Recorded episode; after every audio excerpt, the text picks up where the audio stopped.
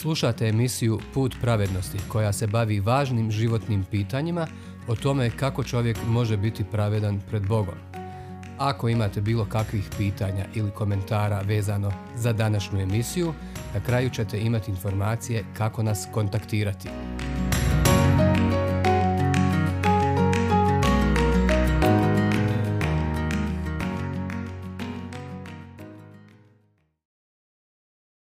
Program 7 kako je grijeh ušao u naš svijet? Postanak 3 U posljednje dvije emisije smo naučili kako je Bog stvorio prve ljude, prvi par, muškarca i ženu. Sveto pismo ističe da su bili slika i prilika Božija, stvoreni po njegovom liku. Postanak, prva glava, 27. Njihove duše su oblikovane tako da su imale sposobnost bogopoznanja, a srce sposobnost ljubavi za Boga. Bog im je osim toga dao i slobodnu volju kako bi se odlučili hoće li biti poslušni Bogu ili neće. Prije nego je stvorio ženu, Bog je Adama smjestio u Edenski vrt, u rajsko mjesto neshvatljivog uživanja. Tako im je kao prvim ljudima dao sve potrebno za život mira i radosti. Želio je da ga upoznaju, vole, približavaju mu se do vijeka. Također smo vidjeli da je Bog, imajući savršeni plan, pred čovjeka stavio jednostavan test. Naime, nasred vrta su bila dva posebna stabla. Vječnog života i poznanja dobra i zla. Za ovo drugo im je Bog zapovjedio. Jahve Bog, zapovjedi čovjeku. Sa svakoga stabla u vrtu slobodno jedi, ali sa stabla spoznaje dobra i zla da nisi jeo. U onaj dan u koji s njega okusiš, zacijelo ćeš umrijeti. Postanak, druga glava, 16. i 17. stih. Zašto je Bog na ovaj način iskušavao Adama? Želio je potvrditi stanje njegovog srca. Nije mu želio podmetnuti nogu i gurnuti ga u grijeh, već ga ojačati i blagosloviti. Čovjek koga je stvorio biješe savršen, bezgrešan, ali ne i provjerenog karaktera, ne i svjesno predanog srca u ljubavi prema Bogu. Zato je Bog Adama stavio na test, na probu ljubavi. Ako ga bude položio i poslušao Boga, to će pokazati šta mu je u srcu. Ako poslušno odbije iskušenje, postaće još jači. Baš kako kaže Božja riječ, da vremena iskušavanja jačaju karakter. Rimljanima poslanica, peta glava, četvrti stih. Danas znamo kako je sve to prošlo kada čitamo postanak 3. Naime, tu vidimo kako je grijeh ušao u naš svijet. Pažljivim čitanjem shvatamo zašto je ljudsko srce pokvareno.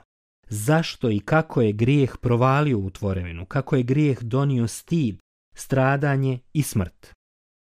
Već smo vidjeli kako su Adam i Eva u početku smješteni u Eden, gdje su bili savršeno zbrinuti, gdje im je sve bilo samo na čisto zadovoljstvo.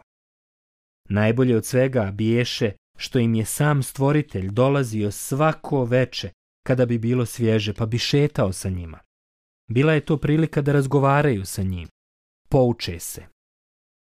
Bog je uživao u tim posjetama jer je želio da njihov odnos bude pun smisla, da napreduje i razvija se. Ali pismo nam kazuje da je osim njih dvoje još neko bio u vrtu. Znate li ko? Sotona, Božiji protivnik, đavo, kada je Bog stvorio svijet i sve u njemu, Sotona je sve to posmatrao. Kada su Adam i Eva dobili zapovijest da ne jedu sa drveta poznanja dobra i zla, on je sve to slušao, ali nije se zadovoljio time. Naprotiv, skovao je plan kako razoriti divnu gospodnju tvorevinu. Želio je iskušati čovjeka, bogoliko biće kako bi palo u neposlušnost Bogu. To će ga odvojiti od njega, pa će propasti. Naravno, Bog je znao namjere Sotone, ali Adam i Eva nisu ni slutili šta im se sprema. I tako, jednog dana, baš u samom središtu vrta u blizini stabla sa plodom poznanja dobra i zla, pojavila se zmija. Evo kako nam piše postanak o tome. Zmija bijaše lukavija od sve zvjeradi što je stvori Jahve, Bog. Ona reče ženi, Zar vam je Bog rekao da ne smijete jesti ni s jednog drveta u vrtu? Treća glava, prvi stih. Zastanimo ovdje na tren. Zašto se Sotona pojavio u liku zmije? Vratimo se na naš stih u kome je odgovor. Zmija je bila lukavija od svih divljih životinja koje je stvorio gospod Bog. Sotona je kušač i zato se predstavlja kao neko ko je mudar. Nije prišao prvim ljudima kao strašni crveni zmaj i rekao Mir vam, Adame i Evo, ja sam đavo, boži neprijatelj. Evo mene danas kod vas da vas natjeram na grijeh, da okrenete leđa Bogu i potom propadnete do vijeka. Ne, Sotona nikada tako ne djeluje. Kako im je prišao? Kao prelijepo i mudro stvorenje. Odlučio je da progovori kroz zmiju jer je tada, prije pada u grijeh, Zmija bila mudrija od svih životinja. Sotona je i danas ovakav, lukav, prevrtljiv. Maskira svoja zla u prelijepe ponude. Pismo nas upozorava da se prerušava u anđela svjetla. Druga poslanica Korinčanima, 11. glava, 14. stih. Zato nas Božja riječ upozorava.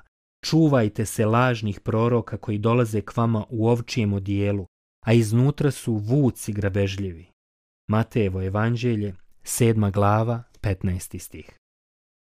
Sotona je obmanjivač, zato im se zamaskirao u lik mudre zmije. Zato je odlučio obratiti se Evi, a ne Adamu, jer se nadao da je lakša meta od njega. Znao je šta je Bog zabranio prvim ljudima. Znao je da se to desilo prije stvaranja Eve. Ali i ona je znala za tu zapovijest. Tek Đavo je silno inteligentan duh i tačno je znao šta želi postići. Htio je uvjeriti ženu, natjerati je da jede od ploda drveta poznanja dobra i zla. Možda će je u tome slijediti i jadam i tako pokazati neposlušnost Bogu.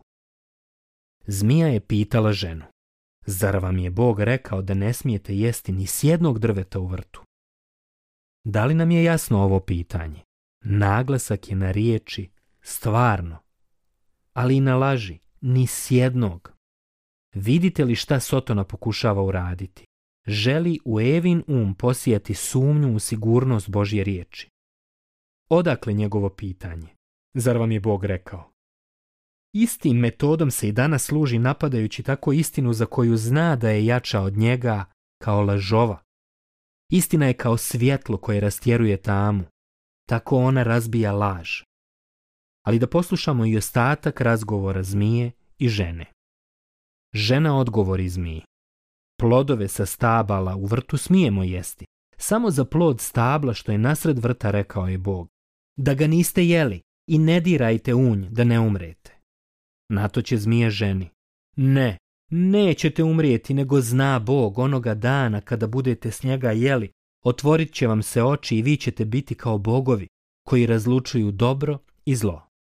Postanak, treća glava od drugog do petog stiha. Nevjerovatno! Šta je Bog rekao prvim ljudima da će im se dogoditi ako budu jeli zabranjeni plod? Sigurno ćete umrijeti, zar ne? A Sotona kaže Evi da od toga nema ništa. Ali ni tu se nije zaustavio, on napada Boga i nudi svoju istinu. Šta vi kažete na ovo? Ko govori istinu? Bog ili Sotona? Sveto pismo nam kazuje da je Bog jedini, istinit i da ne može lagati. Evo kako gospod kaže za Sotonu. Vama je otac đavao i hoće vam se vršiti prohtjeve oca svoga. On bijaše čovjeku ubojica od početka i nestajaše u istini, jer nema istine u njemu. Kad govori laž, od svojega govori jer je lažac i otac laži. Ivanovo evanđelje, osma glava, 44. stih. Imajmo na umu i to da Sotona ne samo da je lažov, već i da je obmanjivač. Lukav je, miješa istinu sa lažima. To je jasno iz onoga što je rekao Evi. Ne, nećete umrijeti, nego zna Bog. Onog dana kad budete s njega jeli, otvorit će vam se oči. I vi ćete biti kao bogovi koji razlučuju dobro i zlo. Laž je da ćete biti kao bogovi, jer onaj koji griješi nije kao bog, već kao on, Sotona. A kada je rekao da će naučiti šta je šta, šta je dobro, a šta zlo, rekao je istinu. Jer čim su zgriješili, Adam i Eva su saznali šta je zlo. Ali Sotona im nije rekao sve, o užasu tog saznanja koji im stiže u život. Bog im je rekao da će, ako probaju zabranjeni plod, sigurno umrijeti. A Sotona im kaže da je to nemoguće. Ali on laže. On ne laže samo kada šuti, Stvar je brutalno bijelo-crna. Bog kaže umrijećete, Sotona kaže nećete umrijeti. I tako je došao čas da se prvi ljudi odluče čiju riječ slijede, Božju ili Sotoninu. A izbor biješe jednostavan. Kome vjeruju? U šta vjeruju? U istinu ili u laž? Slijedi li gospoda svjetla ili gospodara tame? I evo šta su odlučili, kako čitamo dalje u postanku. Vidje žena da je stablo dobro za jelo, za oči zamamljivo, a za mudrost poželjno, ubere ploda njegova i pojede. Dade i svom mužu koji bijaše s njom, pa je i on jeo. Treća glava, šesti stih. Nevjerovatno, Bog je stvorio čovjeka po svom liku da bi mu čovjek težio, upoznavao ga, volio i dovijeka mu bio poslušan. I šta sada čovjek radi? uzvraća Bogu dovoljnom ljubavlju i sluša zapovijest? Ne. Odlučuje se za neposlušnost, odlučuje slijediti Sotonu i oboje prelaze na stranu neprijatelja Božije. Eva je jela plod jer je bila prevarena Sotoninim trikom. Adam je jeo jer se svjesno i voljno odlučio za to, ići svojim putem umjesto božanskim. Umjesto da se pokori svetom stvoritelju ljubavi, Adam je poveo sav svoj rod putem neprijateljstva prema Bogu.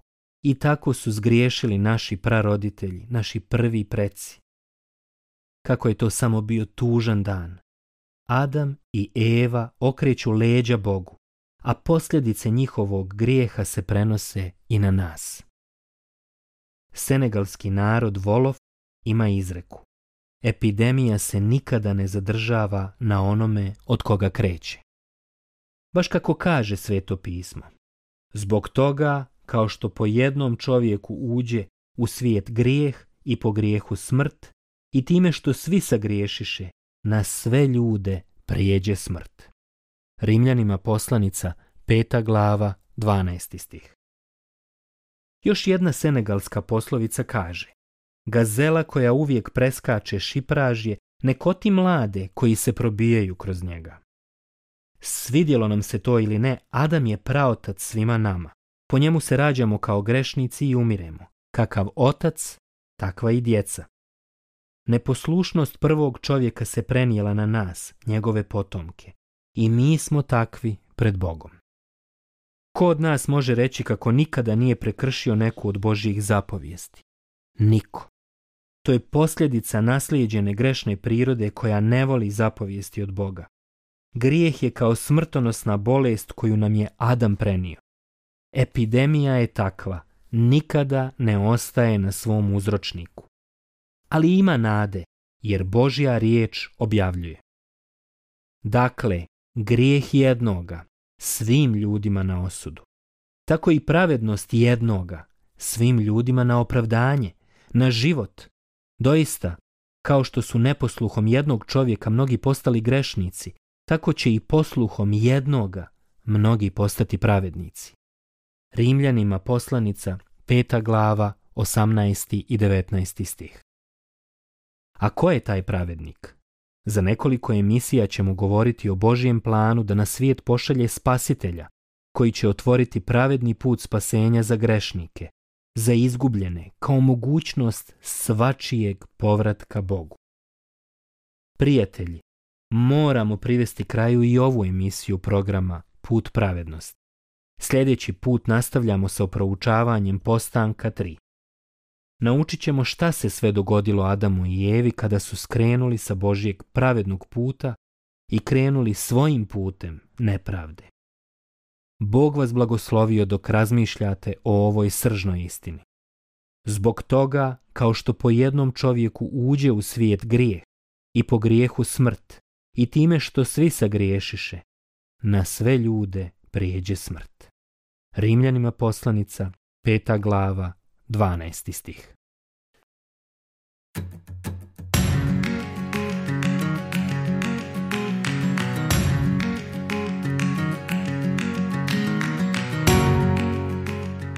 Hvala vam što ste slušali današnju emisiju.